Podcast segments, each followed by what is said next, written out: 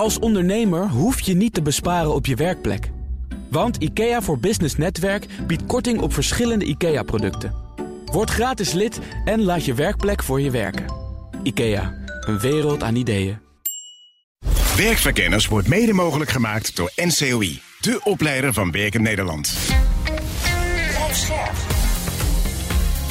BNR Nieuwsradio. Werkverkenners. Rens de Jong. In deze BNR Werkverkenners staan we stil bij het 25-jarig bestaan van deze prachtige zender. Door te kijken hoe ons werk er over 25 jaar uitziet, hebben we een vacature voor een elektronische muziekfanaat. En we hebben een nieuwe rubriek voor je, waarin je alles leert over hoe artificial intelligence jouw werkdag productiever kan maken. Dat allemaal zometeen, maar nu eerst het BNR Werkverkenners nieuws. Werkverkenners. Met Nelleke van der Heijden.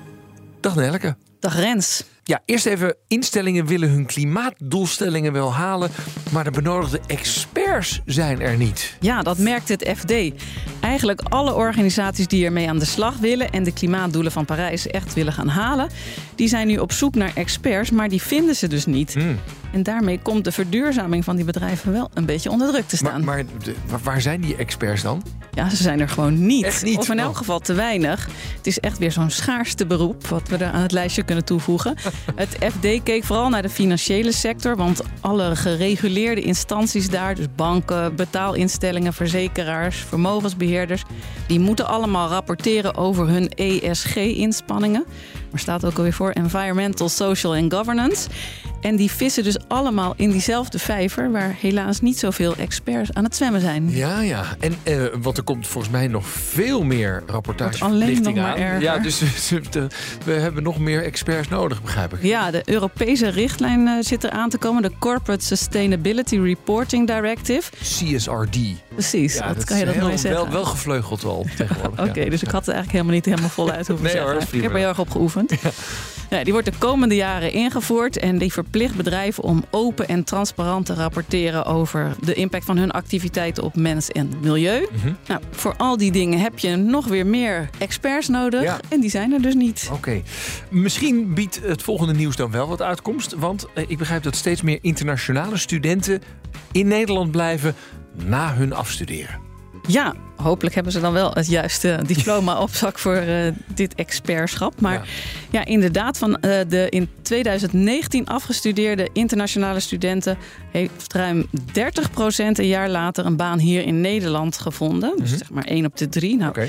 demissionair minister Dijkgraaf noemt dat ook goed nieuws. En ik denk waar krapte dat dit een hele goede Ja, term is. nou dat lijkt me heel. Maar even, diezelfde minister wilde juist paal en perk stellen aan eh, volgens mij internationale studenten, et Ja, daar hebben het hier volgens mij ook over Ja. gehad. Want die pikken alle studentenkamers in. Ja, daar wordt dus inderdaad ook aan gewerkt. Hij schreef in april daar een brief over dat er concrete maatregelen moesten komen om, het, eh, om de toestroom van die buitenlandse studenten te beperken. Nou ja, daar is ook wel een wet nu voor in de maak. Ja, laten we toch ook maar hopen dat er nog steeds een paar doorheen komen en hier ook gaan werken. Het is- als voelt- klimaatexpert. Het voelt toch ook wel een beetje tegenstrijdig, toch? Ja. We we komen overal talent tekort. En omdat we een kamernood hebben, gaan we die studenten niet toelaten. Terwijl ze, wel, terwijl, ze, terwijl ze wel blijven werken hier. Ja, Ja. we moeten ze met open armen ontvangen. Ja, maar goed. eh, Leuk eh, verkiezingsdebat, kan ik me zo voorstellen. Ehm, dan, ik heb ook nog goed nieuws. Want het ziekteverzuim daalt nog steeds. Blijkt uit cijfers van het... CBS. Ja, vorige week kwam CBS met cijfers over het tweede kwartaal en het statistiekbureau spreekt zelfs van een trend. Maar het ziekteverzuim is wel nog steeds heel hoog. Want waar zitten we nu op? Op 5% En vorig jaar was dat in het tweede kwartaal 5,4% Dus laten we nog niet meteen van een enorme keldering spreken. Ja. Maar ik hoorde ook een bewering dat het verzuim misschien wel dan wel omlaag lijkt te gaan, maar dat dat ook komt omdat we thuis werken veel en dan thuis denken ja ik voel me niet echt lekker, maar ik klap toch mijn laptop maar open en ik ga toch aan de slag. Mhm. Dus dan zouden de cijfers die al niet per se enorm rooskleurig zijn, toch rooskleuriger zijn dan de werkelijkheid. Nou ja, misschien moeten we daar een eh, telefoontje aan wagen. Lijkt me een goed idee. Wie hebben we bedacht? Zouden we kunnen doen met Dennis Valkema. Hij is algemeen directeur Benelux van het HR-platform Deal. Dennis, ben je daar? Ja, goedemiddag. Ik, eh, ik ben er. Er wordt hier gesuggereerd de daling zou iets te maken kunnen hebben met thuiswerkers die wel een beetje ziek zijn, maar gewoon doorgaan thuis. Zie jij dat ook of niet?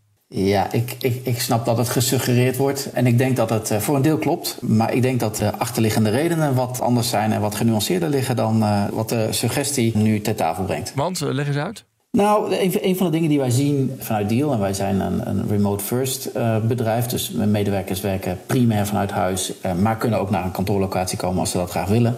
Is dat juist door die vrijheid en juist door de balans die eigenlijk heel veel mensen hebben geproefd in de, in, in de pandemie, waar we liever niet te veel op terugkijken, dat medewerkers de ruimte voelen, de vrijheid voelen om op het moment dat zij zich iets minder voelen, daar dan ook aan toe te geven. Maar hun werk dan wel zo in te plannen dat ze het werk op een ander moment wel afmaken en dat het wel op tijd klaar is. Waardoor het daadwerkelijk ziek melden niet meer nodig is. En iedereen heeft wel eens hoofdpijn, iedereen voelt zich wel even wat, wat minder. Dat is, en dat is prima.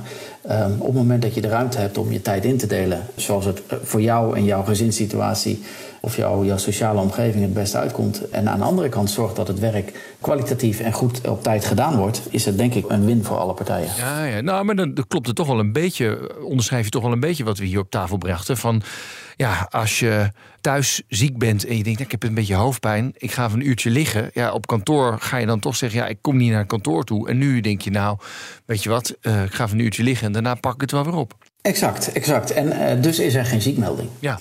En uh, ik denk dat, dat dat inderdaad is, uh, iets is wat je, wat je ziet terugkomen. Aan de andere kant denk ik, en dat is ook wel een, een hele belangrijke, die je in deze cijfers niet terugziet, is dat door op het juiste manier uh, leiding te geven en door de vraag te stellen die we in de pandemie met z'n allen, met z'n allen geleerd hebben. Mm-hmm. Van hoe gaat het met je? Trek je het nog? Um, ga je dit er wel bij, bij kunnen doen? Et cetera. Dat zijn vragen die we in die tijd heel veel stelden. En wij zien dat de organisaties die die vragen nog steeds stellen, uh, veel minder last hebben van het ziekteverzuim. Mm-hmm. dan dat organisaties die die vragen eigenlijk niet meer stellen. en teruggaan naar de manier waarop alles was voordat die pandemie er was. Ja, ja. Tijdens de pandemie vroegen we het echt veel aan elkaar. En nu denk je, nou, alles is weer terug naar normaal. Laten we ook gewoon weer normaal doen. Ja, en ik denk dat dat een beetje een misvatting is. Want ik denk dat uh, de manier van werken niet meer teruggegaan is naar normaal. Mm. Ik zat nog wel één ding te bedenken. Dat je zegt, nou ja, die verzuimcijfers gaan dus naar beneden. Omdat mensen zich niet ziek hoeven te melden. Maar gewoon even, weet je wel, een uurtje op, uh, op bed gaan liggen of wat dan ook. Is ook wel een beetje zielig natuurlijk, hè. Dan ben je gewoon ziek. Ja, dat heet gewoon ziek. Nou, vroeger had je dan gewoon een ziektedag. Klaar, ja. En nu denk je toch elke keer, dat moet ik dan gaan inhalen. Is dat eigenlijk wel handig? Ja, ik, ik, ik, snap, ik snap wel dat je, dat je het op die manier ziet. Zelf, zie ik hem anders. Ik kom ook wel eens uit een call dat ik uh, barstende koppijn heb... en denk van, joh, waar hebben we het nou net over gehad? En dan, dan moet ik de volgende call in. Ik vind het dan een prima moment om te zeggen... joh, weet je, die, die volgende call, als het enigszins kan en het is intern... die verschuif ik even naar een later moment vandaag... of misschien wel naar morgen als de, als de tijd dat toelaat. En ik ga nu eventjes buiten wandelen. Ik woon in het bos, dus ik loop even het bos in met de hond. Of zoiets, maar even mijn hoofd leegmaken. Dan ben ik niet ziek. Dan voel ik me eventjes iets minder op dat moment, ja. maar dan ben ik niet ziek. Dus misschien is het ook wel een definitiekwestie. Waar je in een kantoorsituatie, hè, op het moment dat je je echt even niet goed voelt, ja, en dan nog onder de mensen zijn en niet die ruimte hebt om nou, maar eventjes de wind door je hoofd te laten gaan, bijna letterlijk. Dan ben je eerder geneigd om je ziek te melden. Ja, ik snap het. Dennis, dankjewel. Graag gedaan en uh, fijne uitzending verder. Ja, werk ze. Dankjewel. Rens de Jong. En dan de themavraag van deze uitzending. Hoe ziet ons werk er over 25 jaar uit? Ja, natuurlijk is de technologie dan alweer stukken verder. En dat ga je merken bijvoorbeeld in zorg. Nu denk ik dat we in de komende 25 jaar echt ziekten kunnen genezen. En op heel veel tools hoeven we niet eens 25 jaar te wachten. Zoals bijvoorbeeld voor onze eigen eventuele internationale podcastambities. Er zijn inmiddels ook al AI's die stemmen van mensen perfect kunnen aanmaken. Dus er is geen enkele reden dat over vijf jaar Rens de Jong niet in 26 talen ja. zijn werkverkenners ja. uh, podcast uitgeeft. Maar het kan ook de verkeerde kant op gaan. Dat technologie juist de taken overneemt die mensen prima kunnen doen en willen doen. Waardoor de rollen tegenovergesteld worden van wat je wilt. Je moet eigenlijk een soort dienaar worden van de robots. En dan niet meer taken doen die nog voelen als dit is mijn werk. En het is belangrijk om goed in de gaten te houden of al die mooie technologie ook echt voor iedereen toegankelijk is.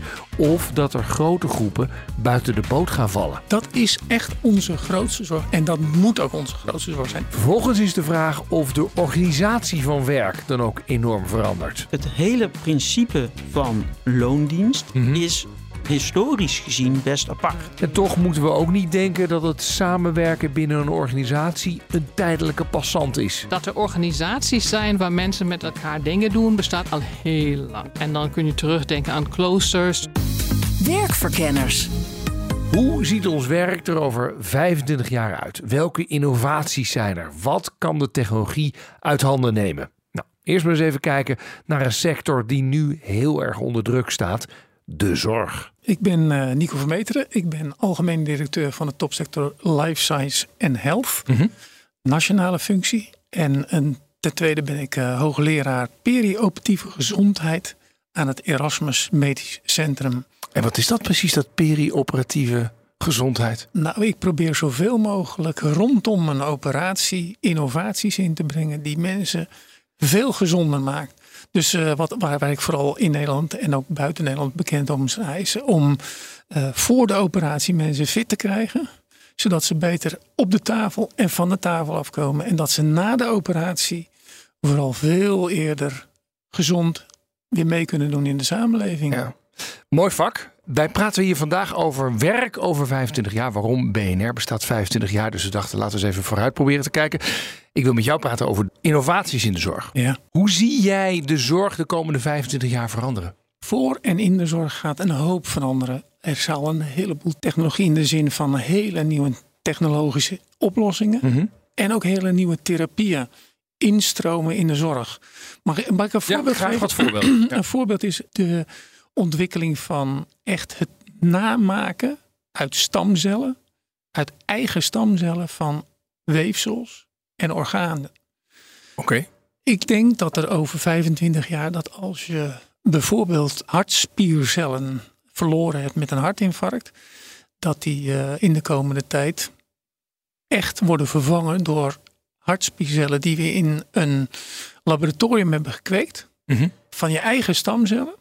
En dat die teruggezet worden in, het, in de buurt of in, in je hart. En dat die zich gewoon gaan gedragen als normale hartspiercellen van jezelf. En nog veel mooier zou zijn als we echt ook het orgaan in zijn totaliteit kunnen namaken. Vanuit een stamcel, vanuit je, vanuit je eigen lichaam. Welk orgaan denk je dan aan? dan denk ik bijvoorbeeld aan de alvleesklier voor mensen met eh, diabetes. En dan met name de cellen die in de alvleesklier zitten, die insuline zelf kunnen maken. Mhm. Dan heb je waarschijnlijk dat een heel groot aantal van de mensen met diabetes type 1, maar ook mensen met diabetes type 2 daar geholpen mee zouden kunnen zijn. Wetend overigens dat we bij mensen met diabetes type 2 echt ook wel moeten inzetten op verandering van leefstijl en vooral verandering van leefomgeving. Ja.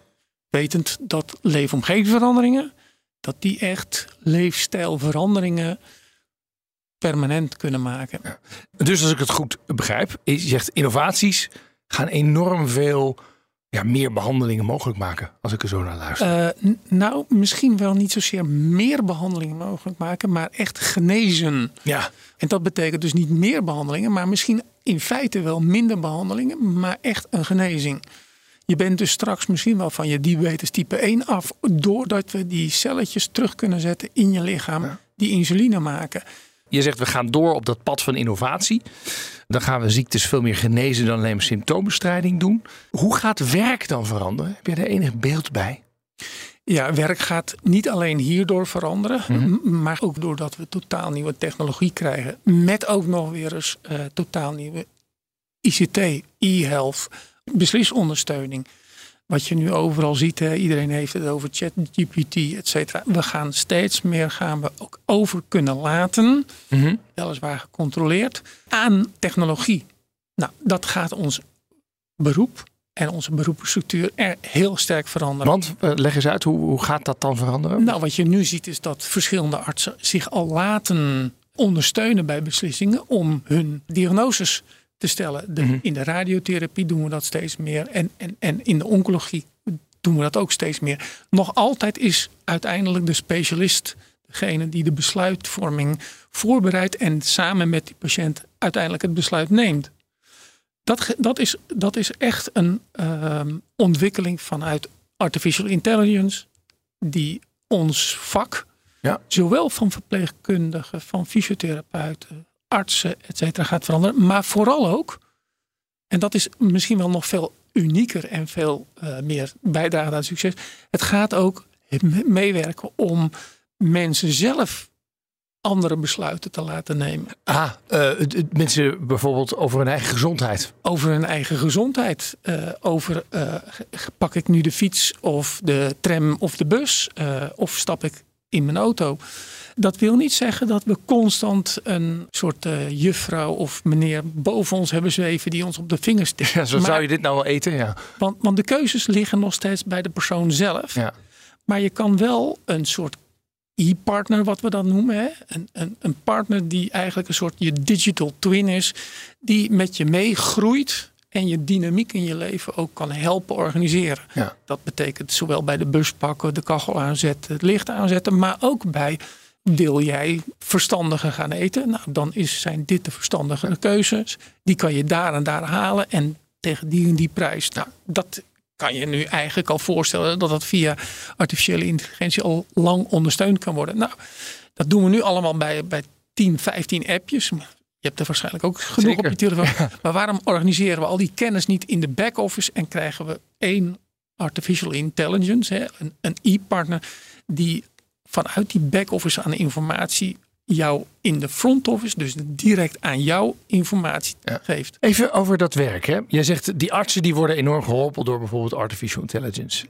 Gaat dat inderdaad ook wel voor die verpleegkundigen werken? Want dat is hoe ik er naar kijk, vaak toch ook wel echt aandachtswerk en fysiek werk en et cetera. Daar zie ik dat niet heel snel gebeuren. Maar nou, ik, ik zie dat wel heel snel gebeuren. Als ik dan de gesprekken die verpleegkundigen hebben met, met hun patiënten, mhm. dan denk ik, die zijn ontzettend rijk, die gesprekken. Komen, komt die rijkdom van die gesprekken ook terug in het dossier? Nou, dat zal niet, omdat dat echt wel hele bijzondere gesprekken vaak zijn. Uh, en daar moet je dan toch wel echt de, de zeg maar een soort uh, samenvatting van maken in dat dossier. En vervolgens moet een opvolgerverpleegkundige beslissingen nemen vanuit datzelfde dossier met diezelfde patiënt. Ja. Nou kan je met artificiële intelligentie die rijkdom van gesprekken van verpleegkundigen met een patiënt, kan je die beter vervatten en kan je daarmee ook weer beter in het dossier en kan je daardoor ook weer beter je beslissingen nemen. Ja, ja, en jij zegt dus eigenlijk administratieve lasten gaan daardoor naar beneden, terwijl de, de informatie rijker wordt. Ik, ik hoop dat we inderdaad de administratieve lastendruk stevig kunnen verminderen. Dat is mm de inzet van, van, van, denk ik, iedereen, inclusief onze uh, departementen, VWS. Maar daarmee moeten we er wel zorgen dat de rijkdom, en de rijkdom dan bedoel ik hele specifieke elementen. Uh, van een, bijvoorbeeld een contact tussen een professional en een, en een patiënt. Dat die rijkdom echt informatief is voor hoe kan ik deze patiënt ondersteunen. Mijn volgende gast onderzoekt hoe werken de toekomst vorm krijgt en welke rol robots daarin kunnen spelen. Ik ben Christina Lauge, hoogleraar organisatieontwikkeling en organisatieontwerp bij de Radboud Universiteit in Nijmegen. En dat betekent dat ik me bezighoud in onderzoek en onderwijs met hoe werk ingericht wordt en hoe je dat efficiënt, maar ook mensgericht kunt doen. Leuk. Wij kijken over uh, een horizon van 25 jaar omdat BNR 25 jaar bestaat. Je houdt je ook in een multidisciplinaire onderzoeksgroep bezig met de toekomst van werken en met name ook de rol van robots daarin, begrijp ik. Vertel. Ja, dat is een samenwerking van alle technische universiteiten en uh, Rotterdam en uh, dus Radboud Universiteit Nijmegen. En wij kijken daarna hoe je werk kunt ontwerpen op een manier dat robots daarbij kunnen helpen zonder dat het betekenisloos werk wordt. Hmm. En waarom die vraag en vooral die toevoeging zonder dat het betekenisloos werk wordt? Nou, als we technologieontwikkeling aan zichzelf overlaten, dan gebeurt vaak dat er dan uit de enthousiasme van de ingenieurs gedaan wordt wat kan. Dat blijkt dan vaak veel minder dan we eerst verwacht hadden. Mhm. En dan kun je achteraf vaak met sociaal-wetenschappelijk onderzoek laten zien dat het eigenlijk niet zo helemaal slim was. En dat we vaak taken automatiseren die makkelijk te doen zijn. En dan blijven altijd lastige stukjes over, mm waarvoor je dan toch nog een mens nodig hebt. En die moet dan alleen maar het lastige Die moet het dan zien te redden. ja. En die moet dan vaak ingewikkelde dingen doen, terwijl die eh, te weinig inzicht heeft in het proces wat daarvoor is afgegaan. Geef eens een voorbeeld hoe dat in het verleden is gegaan. Nou, je zou aan, aan Amazon Fulfillment Centers kunnen denken, waar omdat de, de robots moeten voortdurend lopen, de mensen helemaal geen pauzes meer uh, mogen nemen. En mhm. dan rondlopen met een diaper. En ja, een klassiek voorbeeld, denk ik, is wat we kennen van Charlie Chaplin. Van, ah, uh, dus hoe heet dat, die ook alweer? Die, dat, um, hoe heet die film ook alweer? Ja, ik zit ook naar dat hij uh, dat die aan die lopende band staat, toch? Ja. Ja, dus, um, ja, we hebben dat klassieke voorbeeld van, van mechanization, ja. waar eigenlijk dan de machine de baas van de mens wordt. En dat is over het algemeen geen goed plan voor de mens. Maar het is ook niet echt efficiënt. Want het systeem gaat tussendoor uitvallen. En dan heb je niemand meer die het echt kan weer goed in elkaar zetten. Ja, als we nou kijken naar wat er allemaal verandert hè, en hoeveel invloed we zelf hebben. Jij zegt, we zijn er zelf bij. Het overkomt ons niet, we, we doen het zelf. Als we ons dat realiseren, wat verandert dat dan? Ik denk dat het heel belangrijk is dat we naar technologieontwikkeling kijken als iets dat uiteindelijk toch ook mensgemaakt is. Mm Het individu overkomt het, maar ons als samenleving niet per se. Ja. Uh, dus ons insteek is dat je gezamenlijk kunt kijken. Gezamenlijk betekent met bedrijven, met uh, werknemers, werkgevers, met vakbonden, uh, met betrokkenen, met gebruikers. Wat er op de werkplek aan de hand is en hoe je die werkprocessen slimmer kunt inrichten met gebruik van technologie zoals robots. Ja. Maar met behoud van betekenisvol werk. Met behoud daarvan dat je als, als mens weet waarom kom ik hier. Wat is mijn taak? Wat doe ik hier? Hoe hoort dat in een groter samenhang? En dat de robots daarbij kunnen helpen mhm. bij dingen die te zwaar, te ingewikkeld, te zij zijn. Maar dat ze niet de baas van de mens worden. Nee, maar het klinkt als een enorme luxe positie als we daarover na mogen denken. Aan de andere kant, als je kijkt naar de krapte op de arbeidsmarkt die alleen maar erger wordt, zal menig werkgever zijn. Dat is een leuke filosofische vraag voor op de universiteit. Maar hier graag alles automatiseren. Want ik heb gewoon geen handjes meer. Ja, dat horen wij vaker. Ik denk dat het niet een luxe positie is. Want als je alles gaat automatiseren en het gaat vervolgens niet werken, mhm. dan heb je niet minder problemen dan daarvoor.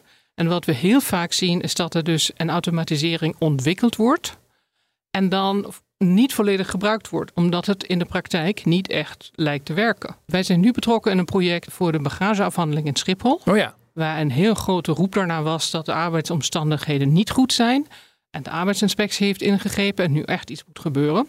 In Schiphol staan duizenden tilhulpen die niet gebruikt worden. Ja. Dat heel recentelijk. Inmiddels is het verplicht en daar wordt op gelet.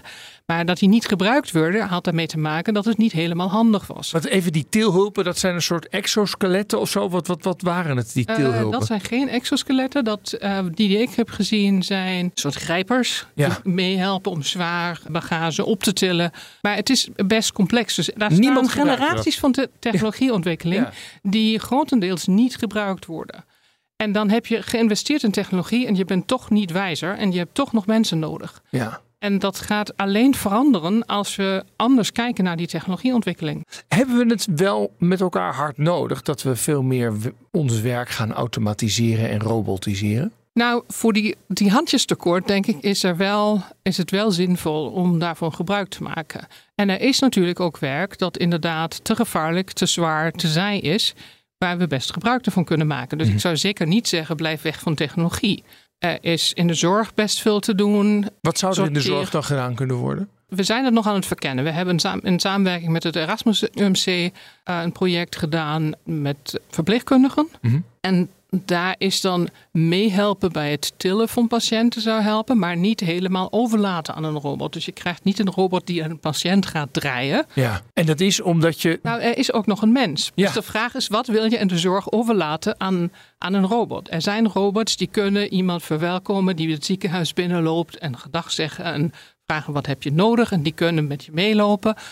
Daar zijn tenminste prototypen voor, dat kan. Maar als je een patiënt hebt liggen, dan is een robot kan zien als er te weinig signalen zijn. En dan signaal geven van misschien is hier iets aan de hand. Maar dat misschien, ja. daar kan een robot op dit moment niet echt een goede diagnose geven. Mhm. En zodra het wat complexer wordt, heb je over het algemeen toch mensen nodig om even te zien wat is hier nodig en ook om snel te handelen. Ja. Dus een, een verpleegkundige kan dan zien en ingrijpen. Voordat we robots hebben die kunnen zien, gaat het nog zeg even tien jaar duren. Maar, maar dat is dus ook weer een soort meewerkende collega. Ja. Die voor jou dan even de, de routinematige check doet. Die routinematige dingen doet, die een bed kan verversen. Terwijl jij een praatje doet met de patiënt. Mijn laatste gast waagt zich aan een voorspelling welke skills we over 25 jaar nodig hebben. Mijn naam is Bas van der Hatert en ik heb al een aantal boeken geschreven over de toekomst van werk toen we dat nog het nieuwe werken noemden. De pandemie heeft het gros daarvan inmiddels waargemaakt. Uh, vervelend dat we daar een pandemie voor nodig hadden. En uh, volgend jaar komt mijn nieuwe boek uit over de invloed van AI op met name hoe we mensen gaan werven. Ja, weet je de titel al? Daar is de raad van bestuur van onze uitgever nog over een discussie. Oh, zeg. Laten we eens even gaan kijken naar werk. Welke skills hebben we over 25 jaar nodig en kunnen we daar nu al iets zinnigs over zeggen, Bas? Ja, ik denk dat we daar iets zinnigs over kunnen zeggen, maar dan wel natuurlijk op wat hoger niveau. Mm Ik ga ervan uit dat als je nu kijkt wat AI kan en hoe snel zich dat voortbeweegt, dat een heleboel van het denkwerk wat we nu doen door AI gedaan zou kunnen worden. Wat we altijd nodig zullen hebben, vermoed ik, is de skill van de redacteur, die namelijk alles controleert en verbetert wat AI eruit doet. Ik denk niet dat de AI ooit foutloos zal zijn, net zoals mensen niet foutloos zijn, want de AI heeft geleerd van mensen. Maar een goede eindredacteur, weet ik als schrijver, is echt goud waard. Mhm. De tweede waarvan ik denk dat we ontzettend veel mensen nodig gaan hebben, is wat ik dan omschrijf als de pitbull-onderzoeker. Denk de Pieter Omtzigt, de Renske Leijten. Degene die zo diep in materie durven te denken dat ze zeggen, hier is meer. En dan met name op welke bronnen is deze AI-tool op getraind. Mhm. Nou, dat type onderzoekers, en ik heb dat ooit één keer gedaan en Pieter Omtzigt heeft er zijn carrière van gemaakt. Ja. Dat zullen we heel veel gaan nodig hebben. De pitbull. De pitbull-onderzoek. En hebben we nog, nog een taak of een kernskill? Ik denk dat de derde kernskill noem ik de, de creatief. De mensen die echt met vernieuwende ideeën, visuals, songs, noem het maar op komen. Nou, nou heb ik ook bijvoorbeeld interviews gedaan met mensen die zeggen... nou, ChatGPT is ook heel creatief. Afhankelijk waar je de lat voor creatief legt. Ja, ja. ChatGPT is heel creatief op de manier waarop heel veel mensen creatief zijn, namelijk het combineren van bronnen en het combineren van andere creatieve mensen. En uh, al die andere tools waarmee je plaatjes kan maken, noem het allemaal maar op in de stijl van perfect. Alleen ChatGPT kan niet heel origineel zijn. Nee, en dat hebben we dus, die skill hebben we misschien wel nodig. De Gaudi, de Van Gogh in zijn tijd, de Picasso, die skills zullen we nodig hebben. Want wat je gaat krijgen is wat recentelijk op een IT-conference werd genoemd AI incest. Namelijk AI die zich blijft trainen op data output van AI. Ja. En laten we eerlijk zijn, van incest is nog nooit iets goed geworden. Nee. En, en dat ga je wel krijgen. Dus de originele denkers, de originele makers, die echt iets, om ook weer een verschillende woord te gebruiken, out of the box dingen maken, dat hebben we ook nodig. Ja, maar dan ook echt out of the box. Dus de mensen waarvan we zeggen, die zijn compleet gestoord. Zoals Picasso compleet gestoord werd gevonden in zijn tijd. Zoals Gaudi dingen deed die niemand kon waarderen in zijn tijd. Dat hebben we nodig. Dat hebben we nodig. Maar leg maar eens uit, hè? want waarom Waarom, kijk, je, dit, ik vind het een mooie analyse die je maakt. Maar waarom denk je dat we dat over 25 jaar echt nodig hebben? Omdat de AI heel veel van ons gaat overnemen. We hebben zoiets, dat noem je een machine bias. Namelijk als een computer of een machine iets zegt, dan is het waar. Maar het is nooit helemaal waar. Hmm. Want alles wat in die machine is gedaan, is door mensen gemaakt en mensen zijn faalbaar. Ja, dus jij zegt eigenlijk, de machine zal een heel groot gedeelte overnemen. En dus wordt het onze taak als mens om daadwerkelijk ook naast die machine te gaan staan en zeggen, ja, maar klopt het eigenlijk wel wat je allemaal doet? Precies. En daarnaast denk ik dat we als mens veel meer de filosofische en fundamentele vragen moeten gaan stellen. Mhm. Vinden we dit eigenlijk wel acceptabel dat dit de uitkomst is? Ja, Alle- ja. Zeg maar alle vragen. Maar, maar die- zijn morele vragen dan ook. De morele vragen. Ik bedoel, als wij in de jaren 70 een AI hadden getraind op werk, Ja. had geen vrouw mogen werken. Omdat er op dat moment weinig vrouwen werkten. Nou, niet alleen dat, maar omdat wij zelfs een wet hadden dat als een vrouw trouwde, dat je er mocht ontslaan. Oh ja, ja. Ik bedoel, mijn moeder is nog ontslagen omdat ze met mijn vader trouwde. En een getrouwde vrouw mocht niet voor een klas op een katholieke basisschool staan. Zijn er skills waar we enorm nu op inzetten, die straks eigenlijk niet meer nodig zijn? Ja, ik denk dat we nu een heel erg kennis- en feitjes gebaseerde realiteit hebben. Waarbij we allerlei mensen, laten we juristen nemen, die dan precies in een wetboek en een bepaald artikel en een bepaalde jurisprudentie hebben gevonden. Nou, de paralegals zeggen ze al van, die gaan er heel snel uit met ChatGPT. Ik denk dat we veel minder IT'ers nodig hebben. Want als ik hoor van IT'ers die uh, Microsoft Copilot gebruiken, die zeggen, nou ja, factor 2, 3 productiever. Oh ja? En, en dit zijn IT'ers, dit zijn uh, programmeurs, begrijp ik, of niet? Programmeurs. Ja. Wat het interessante hiervan overigens is, en dan kan je dan weer gaan kijken van waar ligt de echte toegevoegde waarde. Microsoft Copilot, die dus programmeurs helpt met zo zou je dit stukje code moeten schrijven. En dan moet je. Hè, en die programmeurs treden dan als redacteur op om een paar kleine dingetjes aan te passen. Mhm. Die zeggen van de minste programmeurs hebben het meeste profijt van deze AI-tools. Ja. Dus iedereen die in de onderste 10% van productiviteit zat in een bepaalde groep, die zit nu ineens gewoon op het gemiddelde. Ja. Alleen de bovenste 10%, de, de, de, de Lionel Messi's van, uh, van, de programmeurs. Uh, van de programmeurs, die steken er nog steeds wel bovenuit. Alleen hun voorsprong op de groep wordt minder. Ja. Het punt is, de nu goede, maar niet excellente programmeurs, die profiteren hier het minst van. Ja, ja. Wat dan weer een probleem is, want dat is wat je noemt de middenklasse. En die is, staat al onder druk. Ja, ja. Maar wat het grappige is bij dit soort dingen is... We hebben wel eens een keertje, denk een paar jaar geleden... een uitzending gemaakt over 21st century skills. En het leuke was, dit was nog voordat ChatGPT opkwam. Daar zeiden we, ja, ieder kind moet ook gaan programmeren. Dat is zo belangrijk. Alle, en, en nu zeggen we opeens, ja, het is weer anders. Dus wat zegt het mij dat we over vijf jaar... dit ook weer helemaal anders moeten doen? Dat ligt eraan wie je het vraagt. En wat je meestal met dat soort skills hebt, is dat het mensen zijn die iets verder van de praktijk afstaan. En vooral niet naar futuristen luisteren over waar het naartoe zou kunnen gaan.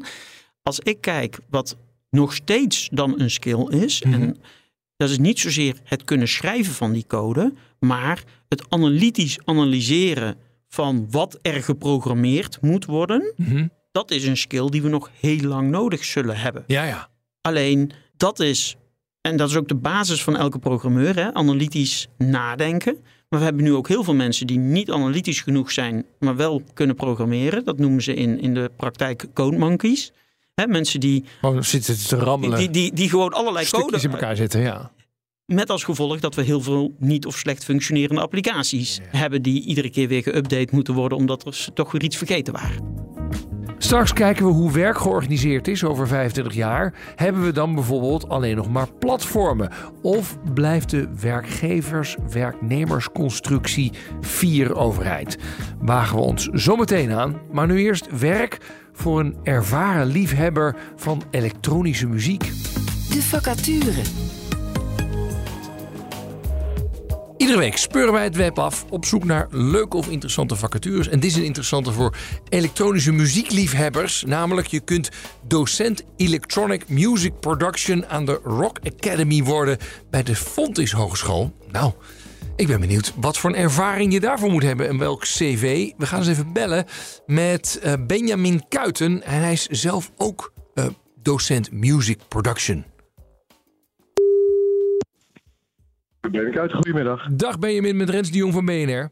Hey, goedemiddag. Hoe goed moet je eigenlijk zijn om docent Electronic Music Production te mogen worden? Want ik moet zelf natuurlijk ook uh, die elektronische muziek kunnen produceren, of niet? Zeker, zeker, uiteraard. Ja. ja. Nee, dus uh, qua productie ja, zoeken wij zeker naar iemand die uh, zijn sporen verdiend heeft. Niet alleen in Nederland het liefst, maar over heel de wereld. Oh, dus we zoeken gewoon een... Ja, ik heb er geen verstand van. Je zoekt echt een, een DJ, zeg maar, die dit kan.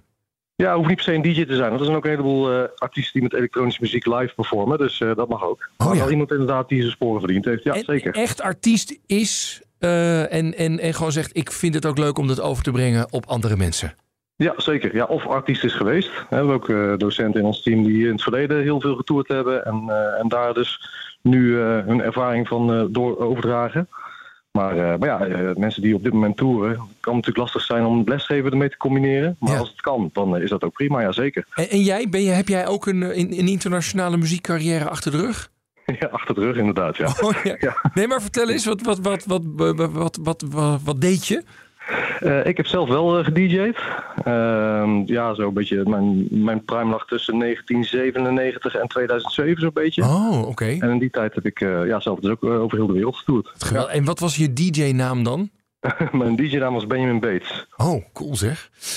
Ja, en, en nou, wat interessant. Maar het is maar voor, hoeveel, hoeveel uur per week was het? Acht à Ja. tien uur per week. Dus het is niet... Is- de, de, de boterham moet eerder al verdiend zijn, begrijp ik. Eh, ja, of het is een bijbaantje natuurlijk.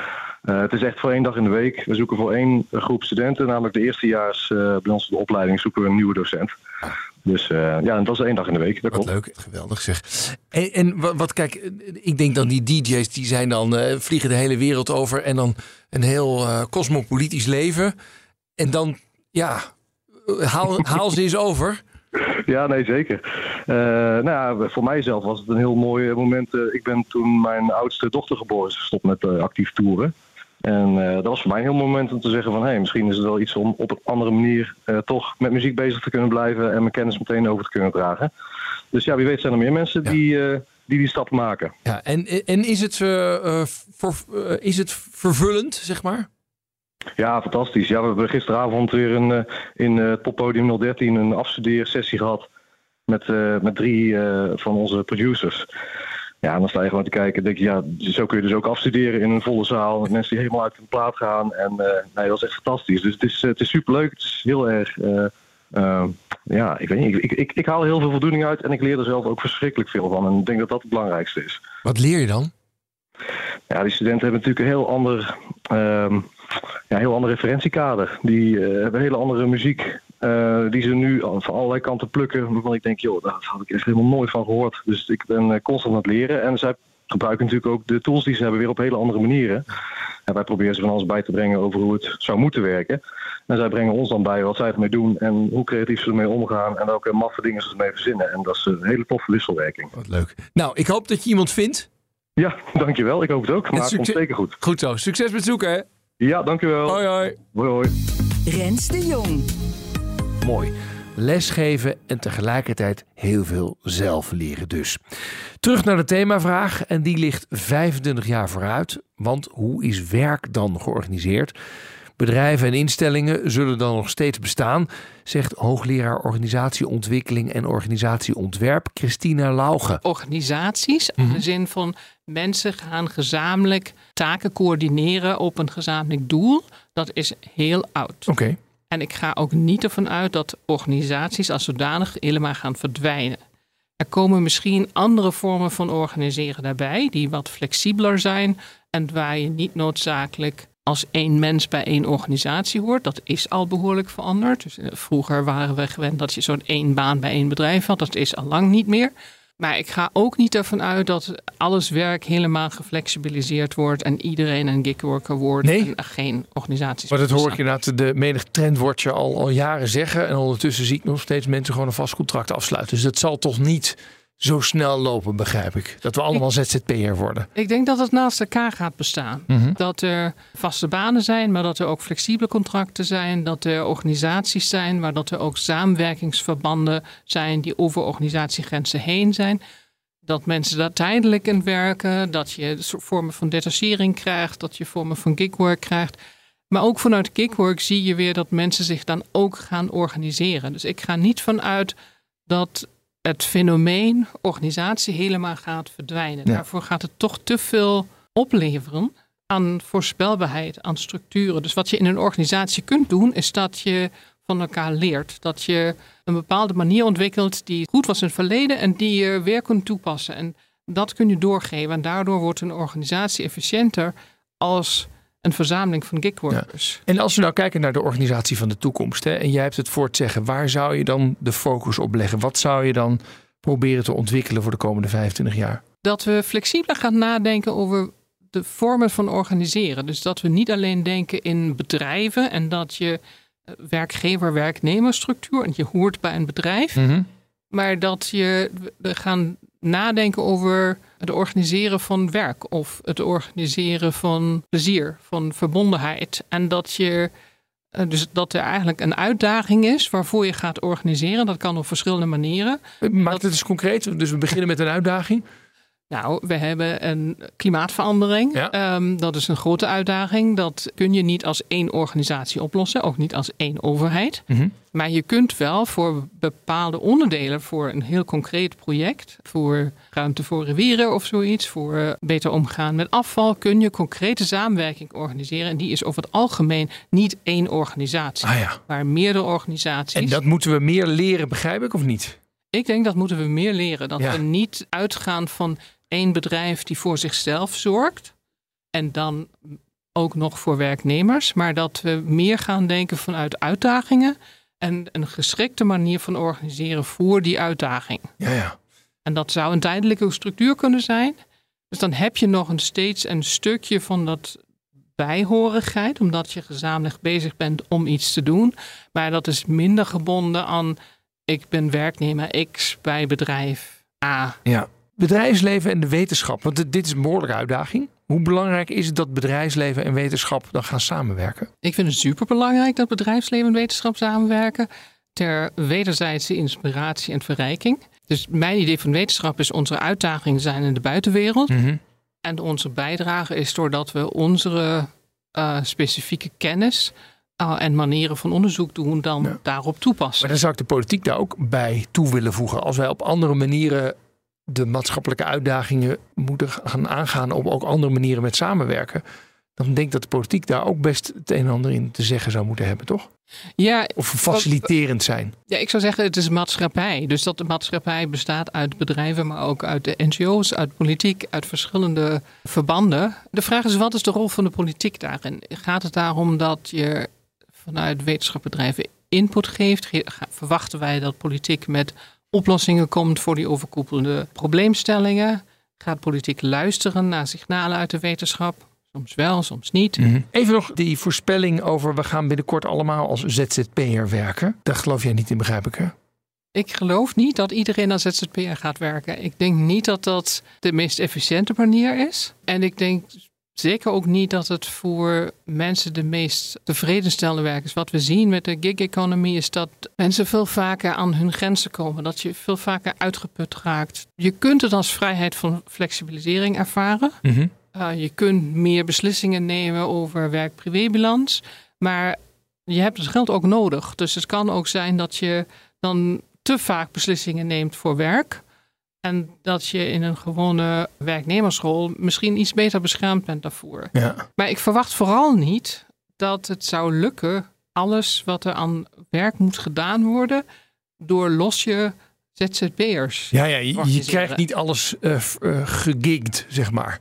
Je krijgt niet alles in een gig Niet alles is een gig. Er zijn Nee. ook taken die herhaald worden in de zorg en onderwijs. En waar we heel veel baat bij hebben, dat er mensen met ervaring zijn die iets kunnen doorgeven. Ja.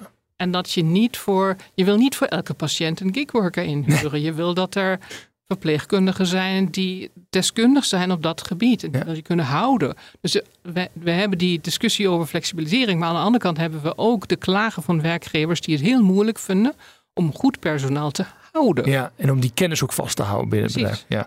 Eh, gaan wij in de komende 25 jaar anders over werk nadenken? Dat denk ik wel. Ik denk dat is al begonnen. Mhm. En hoe zijn we dan anders gaan nadenken? Nou, ik denk we zijn anders na gaan denken dat het. We hebben altijd een koppeling van werk en identiteit. Dus als, als je gaat introduceren bij iemand, dan zeg je heel vaak je beroep. Ja. En we weten ook dat als werk weg, wegvalt, dat veel meer wegvalt dan inkomen. Dan valt de structuur weg, dan valt sociale contacten weg. En ook de, het gevoel van wie ben ik en wat is mijn bijdrage aan de maatschappij. En dat zijn we gaan zien. Maar we zijn ook aan de andere kant, de, de jonge generatie is niet per se op zoek naar werk als het enig betekenisvolle is. Mhm. Dus het is betekenisvol, dat zou het ook blijven.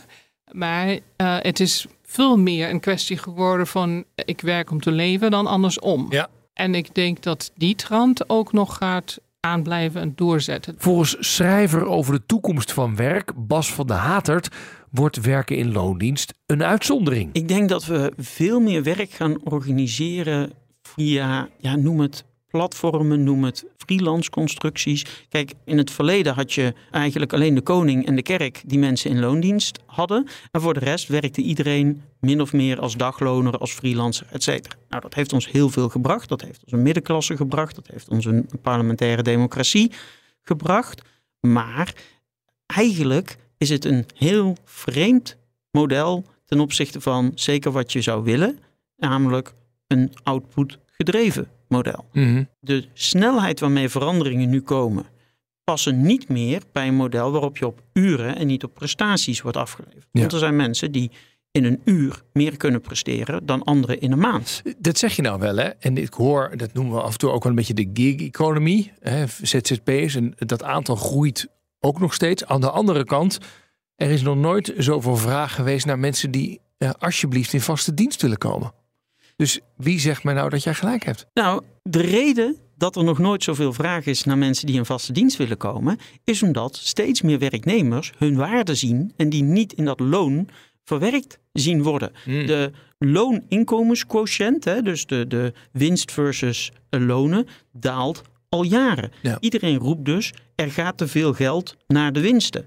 En dus zie je steeds meer mensen zeggen, ik wil mede profiteren van die winsten, dus ik word freelancer, ondernemer, Ja, gigger. Eh, eh, Ja, ja, kortom, eh, betaal me maar gewoon voor wat ik echt waard ben. In plaats van dat, ik, dat jij gegarandeerd dat ik een maand lang werk heb. Want daar heb ik gewoon niet zoveel zin meer in. En met name, en dat is in Amerika nog iets erger dan hier, omdat je ook helemaal geen gegarandeerd werk hebt, want jouw vaste contract loopt ook af op het moment dat jouw bedrijf failliet gaat. Toch hè Bas, ik spreek iemand anders in deze uitzending die zegt... ja, maar er moeten zoveel dingen in bedrijven echt gedaan worden. Ook wel op een beetje repetitieve taken. En we willen graag die kennis binnenhouden. Dus die gelooft helemaal niet dat we alles kunnen vergiggen, zeg maar. Ik ben het ermee eens dat we op dit moment daar nog niet zijn. Ik denk dat het met name ook te maken heeft met bedrijfsmodellen die daar gewoon niet op gebaseerd zijn. Ik denk ook dat een van die taken die we absoluut niet konden vergiggen was je customer support. Ja, En inmiddels kan 90%, en dat laten sommige organisaties zien, van je customer support door AI gedaan worden. Dus ineens was laatst een eh, bedrijf in Singapore die zei: Goh, we hebben eh, 860 van onze 900 customer support agents eruit gedaan. Want alleen de allermoeilijkste gevallen moeten nog gedaan worden door customer support. En goh, het blijkt dat AI eh 20% minder fouten maakt in de support die onze customers krijgen. En de satisfaction met onze host is groter. Ja, maar dan zijn er nog steeds wel dingen die nog niet door AI gedaan kunnen worden. Waar mensen wel zeggen dat is wel prettig als we daar een beetje een vast team voor kunnen creëren. Zonder dat we dat met allemaal gigworkers gaan doen die er altijd weer in en uit vliegen. Op dit moment nog wel. Mhm. Ik denk dat de meeste van die vaste teams straks wel voor een behoorlijk deel door AI gedaan worden. Dat er misschien een paar mensen inderdaad in loondienst zijn die de extreem uitzonderingen zullen doen. Daar zal je altijd mensen voor nodig hebben.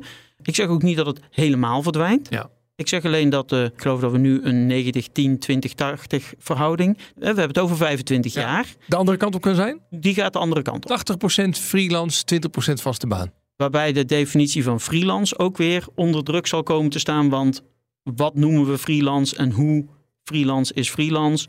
En een van de andere zaken die ik denk dat heel belangrijk is, is om je te realiseren, wat we eh, bij de skills al zeiden, die echte creatief, die echte unieke personen, die, die, die 10% top, die Mhm. wereldtop, die gaat ontzettend belangrijk zijn. Punt is alleen, die zullen allerlei paspoorten hebben. Ja. En ik verwacht niet dat we het migratieprobleem over 25 jaar helemaal hebben opgelost. Mhm. Omdat daar altijd sentimenten zullen spelen. Maar nou, een mooi voorbeeld van een persoon die ik een paar jaar geleden online ontmoet heb. Dat was Innocentive heette toen. Ze zijn inmiddels gerebrand. Maar dat was een, een oplossingsgig-platform. Ja. En daar werden hele moeilijke gigs gezet. Nou, ik zat dan met name op de economische en de, en de marketingachtige oplossing. Heb ik er een paar gewonnen. En er was op een gegeven moment een frequent winners community gecreëerd. Waar ik met mijn vier overwinningen in mocht. En daar Ja. kwam ik een Bulgaarse dame tegen. En die was frequent winners aan het interviewen. En die zei, ze was chemist van oorsprong, bouwde allerlei chemische formules op dus dat platform, won met grote regelmaat, verdiende daar tussen de 40 en 50.000 dollar per jaar mee. Ze woonde in ruraal Bulgarije, waardoor ze dus de absolute top 1% verdiener van haar provincie zeg maar was. Ja. Met twee, drie oplossingen per jaar.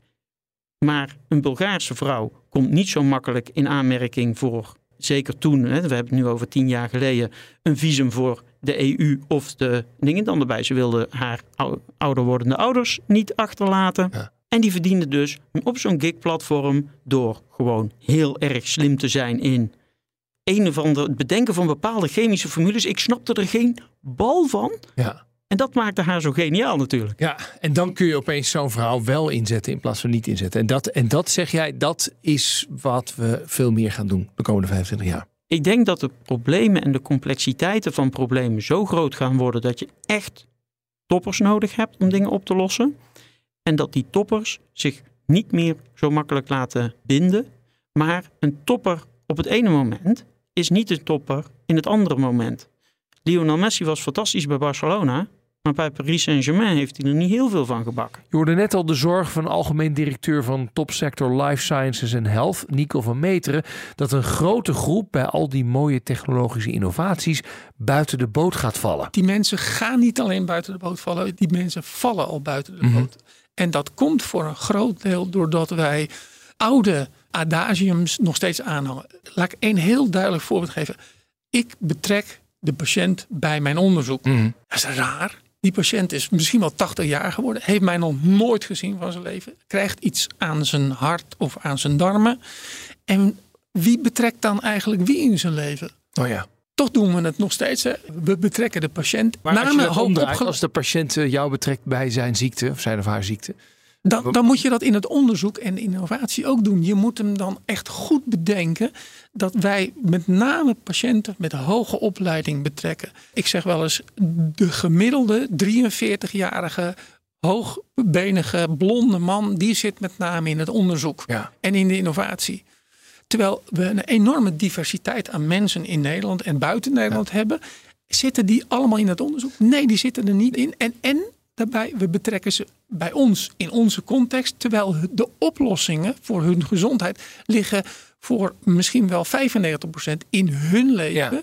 In hun context. Maar, maar daar, daar zit bij mij ook dan de, de knoop. Ik hoor dan altijd over innovaties als e-health en eh, allerlei technologieën en appjes en dingen. En dan denk ik, ja, ik ben een techie, dus ik vind het allemaal hartstikke leuk. Maar ik kan me juist voorstellen dat er ook bevolkingsgroepen die zeggen, nou, aan mijn lijf geen kermis, ik snap er allemaal niks van en ik heb niet zo'n dure telefoon, ik zeg maar wat. Ja. En dat die de, de- juist, dus wij innoveren met elkaar iets voor elkaar. Want de- deze blonde mensen die snappen het allemaal wel. Terwijl we heel veel mensen daardoor dus juist uitsluiten. En dat is precies wat men niet meer moet doen. Wij moeten niet zozeer zeggen dat zij moeten veranderen. Wij moeten veranderen. Mhm. Het innovatiesysteem, de hoogopgeleide. Wij, ik, moet veranderen. En gaan we dan inderdaad die 1 op de 5, 1 op de 6 mensen die in Nederland werkt in de zorg nog steeds zo houden? Want dit klinkt allemaal heel arbeidsintensief. Eh, de kosten gaan voor de baat uit. Je zal moeten investeren in die verandering van ons als hoogopgeleide. Ja. Je zal veel meer als hoogopgeleide dienstbaar moeten worden. En ik denk dan echt hè, dat als je bijvoorbeeld toch eventjes kijkt naar die perioperatieve proces, dat die patiënt dan niet in plaats van achteraf heel veel bijklussen en sleutelen en zorg verlenen om weer de oude te worden of liefst de jonge te worden. Dat je dat vooraf in een vrij compacte tijd kan doen. En dat dat ook voor de meeste mensen toch wel een soort trigger is. hè, Zo'n operatie en, en zo'n ziekte. Om echt even aan hun leefstijl te werken. En dus niet minder gezond te worden voor de operatie. Maar juist gezonder. Goed die gezondheid door te komen. Dat betekent dus ook zeg maar kosten voor de baat voor hoogopgeleiden om hun, hun gedrag te veranderen. Ja. Om uiteindelijk bij te dragen aan de gedrags- en omgevingsveranderingen van deze mensen in hun context, zodat ze er beter doorheen komen. Wij moeten dit volgens mij ook heel anders gaan organiseren. Je hoort ook veel informele zorg. Hoe gaan we daar meer mee om? Dat is denk ik de redding van ons allen. In de zin van die 1 op de 6, hè, waar we, eh, Mhm. we naar streven. 1 op de 6 mensen zijn nu en in de toekomst werkzaam in de gezondheidszorg. Daar hebben we dus informele zorg voor nodig. En, en wie zijn dat eigenlijk? Nou, daar, daar is al informele zorg voor. Er is heel veel, en kijk maar eens in je eigen agenda. Maar het is mantelzorg is dat? Dat, Of? dat, dat heet mantelzorg, maar er zijn ook heel veel relatief oudere mensen die al in hun wijk of hun buurt aan elkaar en met elkaar zorg verlenen. Dat Mhm. noemen wij de informele zorg. Dat is niet alleen directe mantelzorg, maar ook echt zorg organiseren. Kijk naar Nederland Zorg voor elkaar. Ruim 1600 burgerinitiatieven die gezamenlijke zorg in hun leefomgeving organiseren. Ja, dus wij worden ouder met elkaar en we gaan beter voor elkaar zorgen zonder dat wij zorgprofessionals zijn. Ja, we worden, we, we worden ouder met elkaar en we worden allemaal wat, wat, wat meer omziend naar elkaar. Mhm. En dat merk je. En zitten we dan elkaar een beetje in de weg soms? De informele zorg en de officiële zorg? Wat nu de uitdaging is, is om niet meer zoals ook de eh, onderzoek van de Universiteit Tilburg uitwees een paar jaar terug, is dat die informele en formele zorg niet goed met elkaar overweg kunnen. Elkaar zo af en toe echt dwars zitten. Waar, waar, waar zitten elkaar dan dwars? Wet en regelgeving, financieringsverplichtingen. Waar mag financiering wel en niet landen? Uh, wat mag een informele zorgverlener wel of niet doen? Et cetera, et cetera, et cetera. We merken nu dat bijvoorbeeld Austerlitz zorgt, daar is juist die formele en informele zorg zijn veel meer met elkaar samen gaan werken.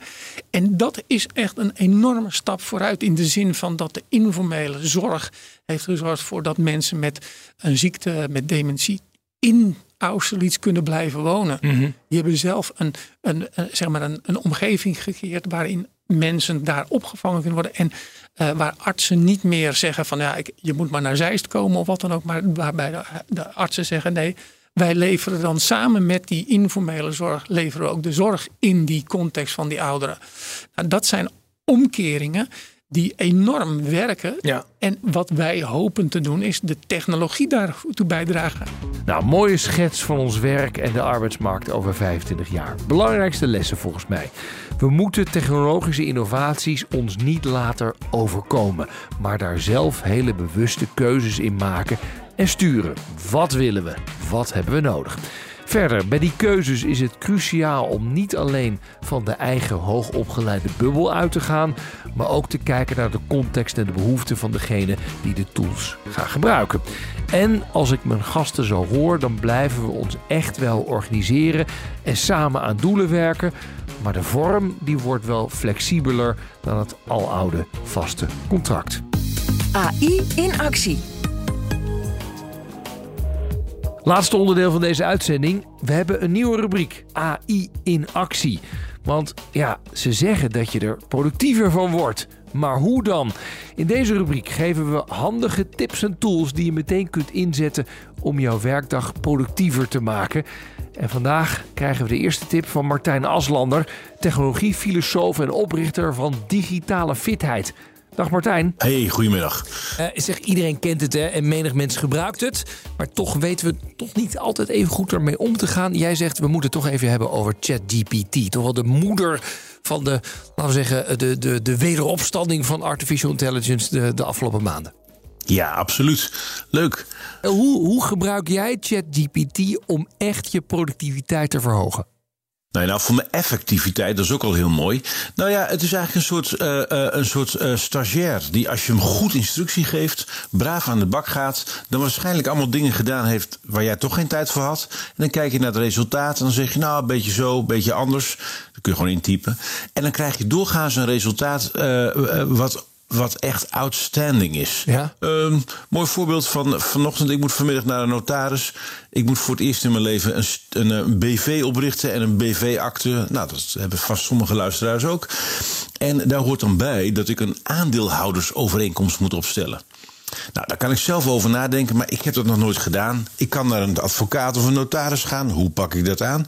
Maar de grap is, ik vraag aan ChatGPT: Goh, dit is de situatie waarin ik zit. Dit is de context. Dat zijn drie regels tekst die je intypt. Moet je wel even over nadenken.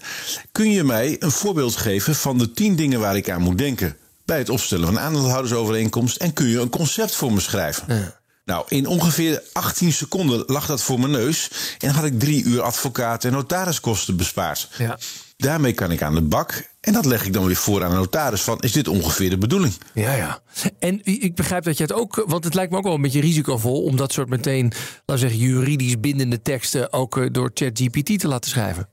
Nee, absoluut niet. Het leuke is, het is natuurlijk een enorme database met allemaal statistiek erin. En eigenlijk um, een aandeelhoudersovereenkomst, een contract, een cv, een projectvoorstel, een businessplan. Dit zijn eigenlijk formats. Uh, pak de duizend businessplannen, uh, uh, willekeurige businessplannen die er bestaan, gooi ze op een hoop en er zitten patronen in. Nou, ChatGPT kent al die patronen. Sneller en beter dan jij. Ja. Dus wat je doet is die machine aan de bak zetten.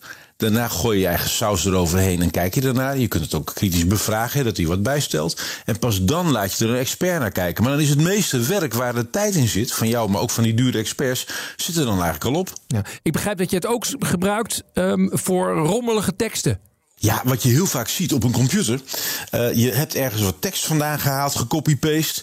En er zitten er allemaal rare afbrekingen in. Gekke leestekens. Dat wil zomaar eens als je van een CSV-bestand uh, of uh, in, uit Word ergens naartoe gaat.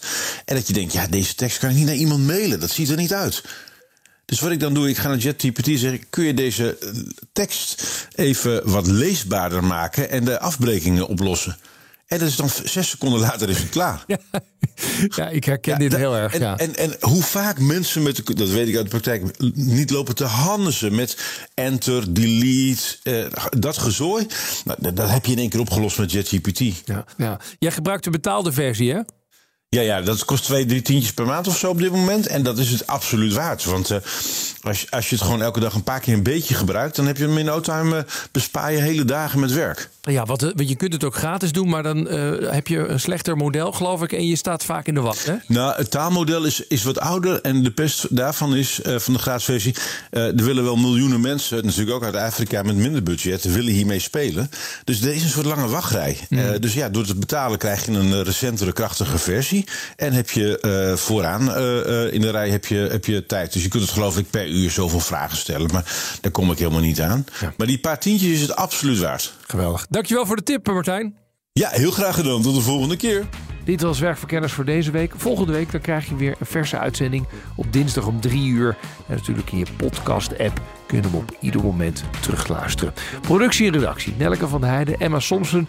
Mijn naam is Rens de Jong. Graag tot de volgende keer. Dag. Werkverkenners wordt mede mogelijk gemaakt door NCOI, de opleider van Werken Nederland.